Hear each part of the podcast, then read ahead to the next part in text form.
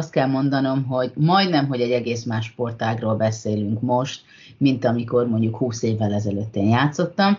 Egész más volt a kreativitás része, míg régen egy elemzés, egy, egy edzés abból állt, hogy valakivel szemben ülök, és folyamatosan az agyunkat használjuk, és ötleteket dobunk föl, és azoknak az ellenzése, addig most már ezek az edzések nem ebből állnak, hanem az, hogy folyamatosan egy ellenző program ajánl lehetőségeket, és folyamatos értékelés, illetve döntés van, hogy akkor én most erre vagy arra szeretnék tovább kutakodni. Üdvözlöm a hallgatókat, Horn Gabriele vagyok, ez itt a Selfie, a Szabad Európa podcast műsora. Idei utolsó adásunk vendége Polgár Judit, a saktörténet legjobb női sakkozója. A nevét világszerte ismerik, számtalan elismerése között hét alkalommal kapta meg a női sakkoszkár díjat, közte az évszázad női sakkozójának járó díjat is. Idén, december elején beiktatták a sakk hírességek csarnokába az amerikai Egyesült Államokban. Polgár Judittal arról beszélgettünk, hogy az ő kezdeményezésére hogyan használják a sakkot nagyon sok iskolában fejlesztésre, és arról, hogy mennyiben más ez a sport most, mint néhány évtizeddel ezelőtt.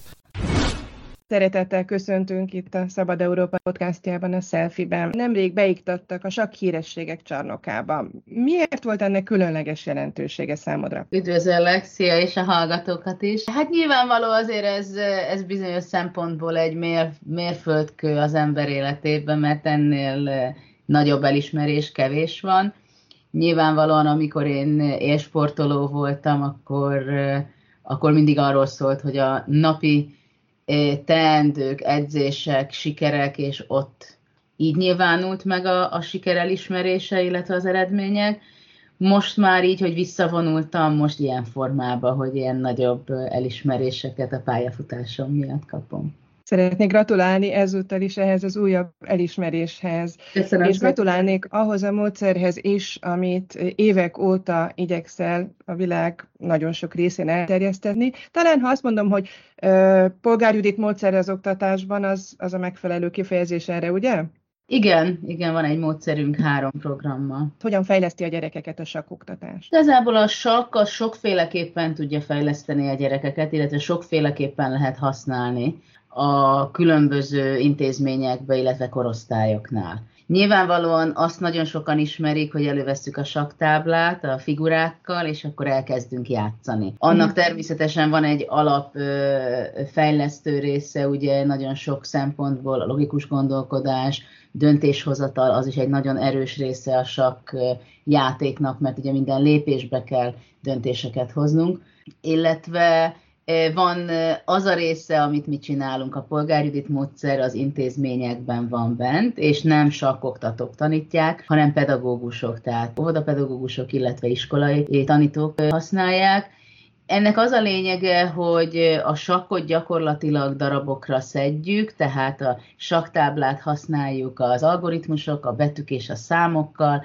ott nagyon sokat mhm. tanulnak a gyerekek a térbeli látásban, jobbra-balra, átló, tehát így gyakorlati szempontból ezeket nagyon nehezen tanulják meg a gyerekek, viszont a sakkon mhm. keresztül ez nagyon könnyen megy, mert egy folyamatos motivációban és egy folyamatos játékban vannak benne. Illetve a sakkfigurák is ugye hat különböző mozgásformát mutatnak meg, illetve az értékük is különböző. Tehát ezeket meg nagyon sokféleképpen tudjuk használni a gyerekeknél, például az értékek, a minőségek, a csapatmunka, a különböző játékok a csak táblán keresztül, illetve van a sakkpalotánk, amire rá van vetítve 64 részre ugye a saktábla, és azon belül is nagyon sokat tanulnak, illetve játszanak, és olyan képességet sajátítanak el, amit más területen is tudnak használni. Tehát itt például a matematika órán is, tehát nagyon jó beintegrálható különböző tantárgyakba, és nagyon sokat használjuk a figuráknak az értékét. Például szoktak úgy számolni a gyerekek,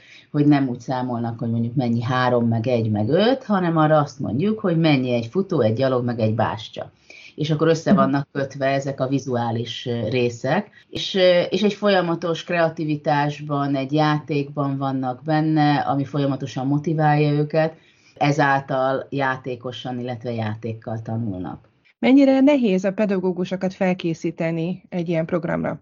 Szerencsére nem annyira nehéz. Kilenc éve indult el a, az iskolákban, 2013-ban. Akkor, amikor az elején eh, kezdtem előadásokat tartani, pedagógusoknak nagyon féltek, hogy úristen, megjön polgár Judit, és nekik sakkot kell tanítani.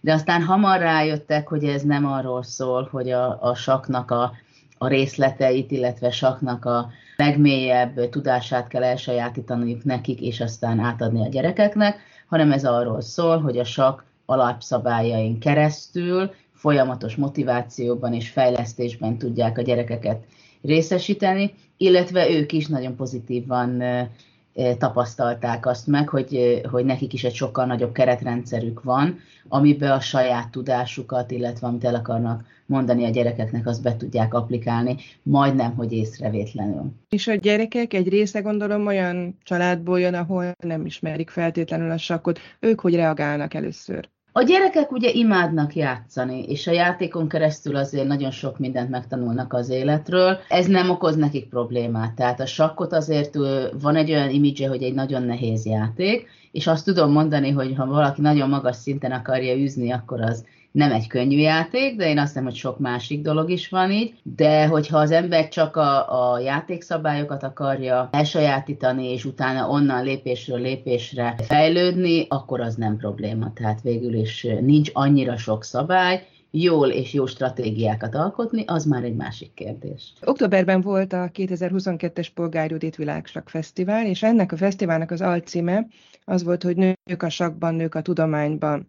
Ugye régóta felemeled a szavad a, a nők helyzetért, a sakkozó nők helyzetéért, az ő egyenlő feltételeik érdekében. Mennyire érzed, hogy változtak a dolgok ezen a téren az elmúlt 10-20 évben? Igen, ez a téma gyakorlatilag mindig utolér engem, különböző formában a kérdések, és, és nagyon nehéz erre úgy válaszolni, hogy hogy lehet fejleszteni ezen a területen a, az embereknek a gondolkodását. Mert én úgy gondolom, hogy talán ez a legnagyobb kihívás, hogy másképp gondolkozzanak a szülők, a pedagógusok, a saktanárok, a közösségek, annak kapcsán, hogy egy lány mire képes a sak területén, illetve tudományos területeken.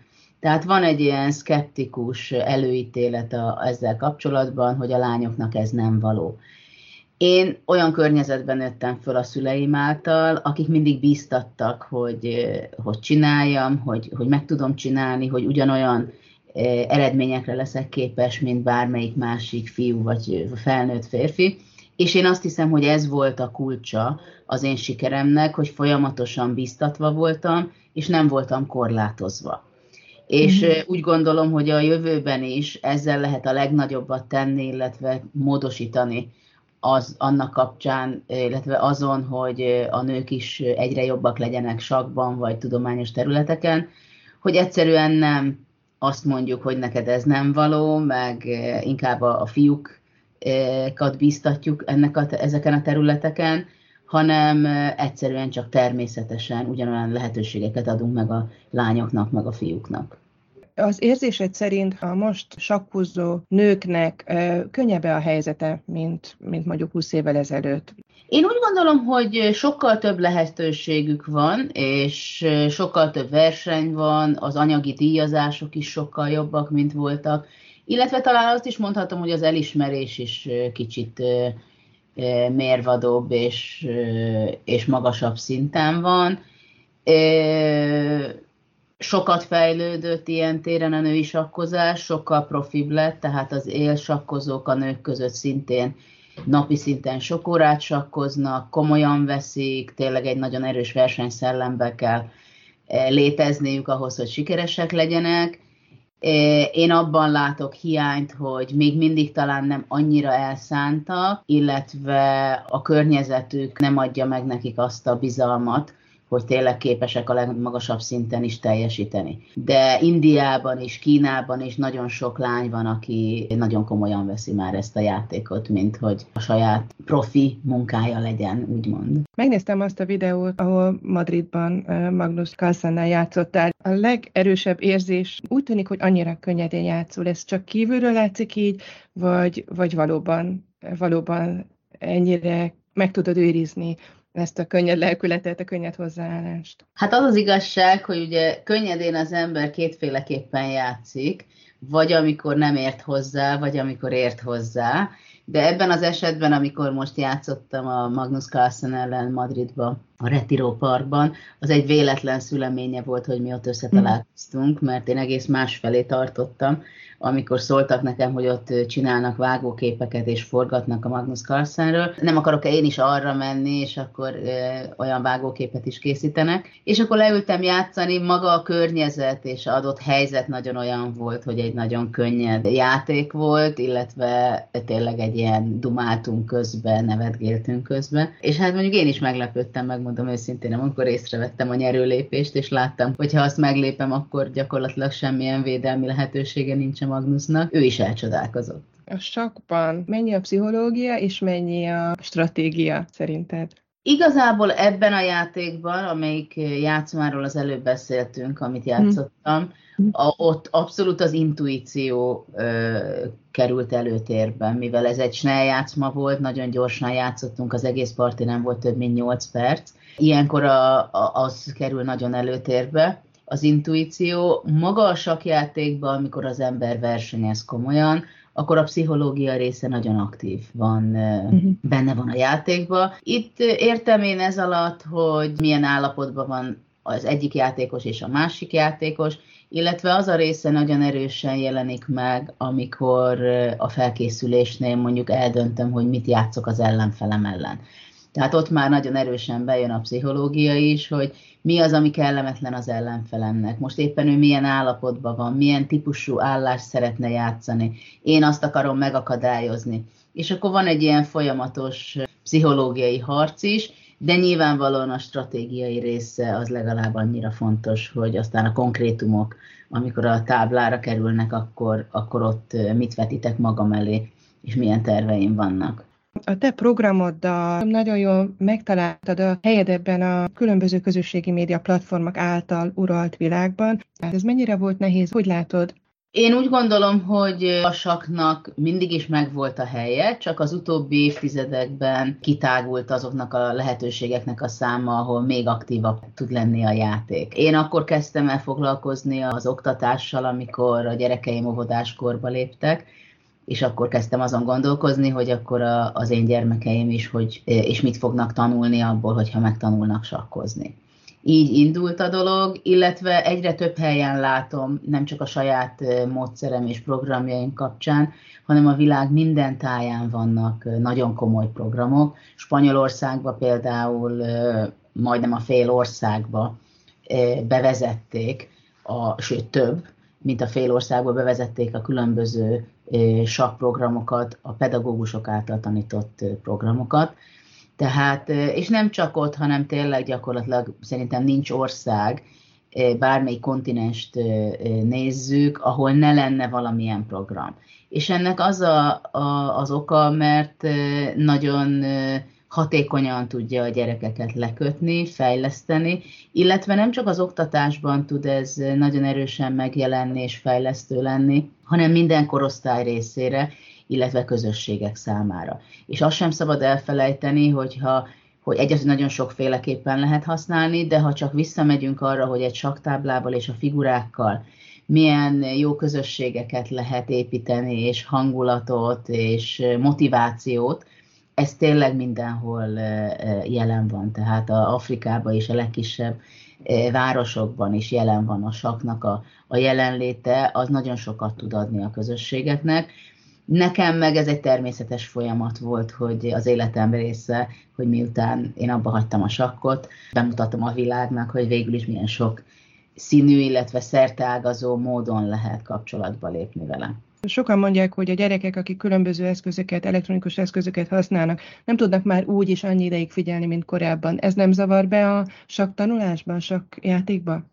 Én azt hiszem, hogy az élet változásait mindig óvatos vagyok, és nem azt mondom, hogy fejlődését, hanem változását. Ez egy nagyon fontos dolog, hogy azt hiszem a mostani generációnak, illetve az idősebb generációnak is azon múlik a sikere, illetve a boldogulása, hogy mennyire tud rugalmas lenni, és mennyire tud alkalmazkodni ezeknek a, az új lehetőségeknek, illetve a kihívásoknak megfelelni. A sakban természetesen nagyon megváltozott a sportág. Tehát azt kell mondanom, hogy majdnem, hogy egy egész más sportágról beszélünk most, mint amikor mondjuk 20 évvel ezelőtt én játszottam.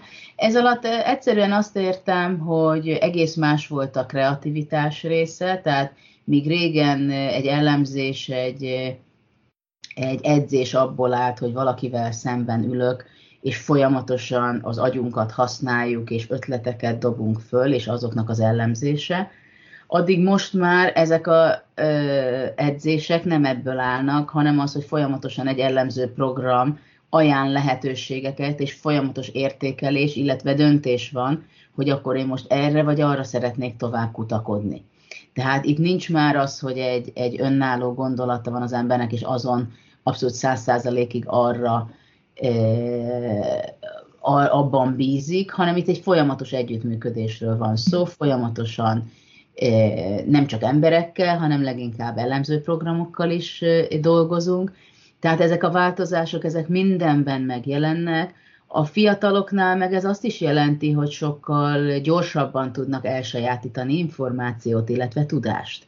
És ennek a pörgésnek, ennek a gyorsaságnak ehhez, ehhez más képességek kellenek. Tehát én azt hiszem, hogy, hogy a, a, a mi generációnknak is sokkal elfogadóbbnak kell lenni az új generációval kapcsolatban, hogy ami nekünk természetes volt, illetve bizonyos értékrendel rendelkeztünk, azok nincsenek meg esetleg a mostani generáció fiataljaiba, de van más. Tehát sokszor az, amit ők mutatnak, hogy úgy tűnik, mintha nem érdekelné őket például valami, az én úgy gondolom, hogy nagyon sok esetben nem így van, hanem egyszerűen nekik más, eh, más módszereik vannak arra, hogy elsajátítsák a tudást, illetve ők nem engedhetik meg maguknak azt, hogy belesüppedjenek, benne maradjanak nagyon sokáig valamilyen gondolatmenetben, mert mindig tovább kell lépni, és tényleg fel kell az ember, és már van 25 új irány. Ez volt a Selfie, a Szabad Európa Podcast műsora, amiben ezúttal Polgár Judit világhírű magyar sakkozóval beszélgettünk. Én Hort Gabriela vagyok, köszönöm a figyelmüket.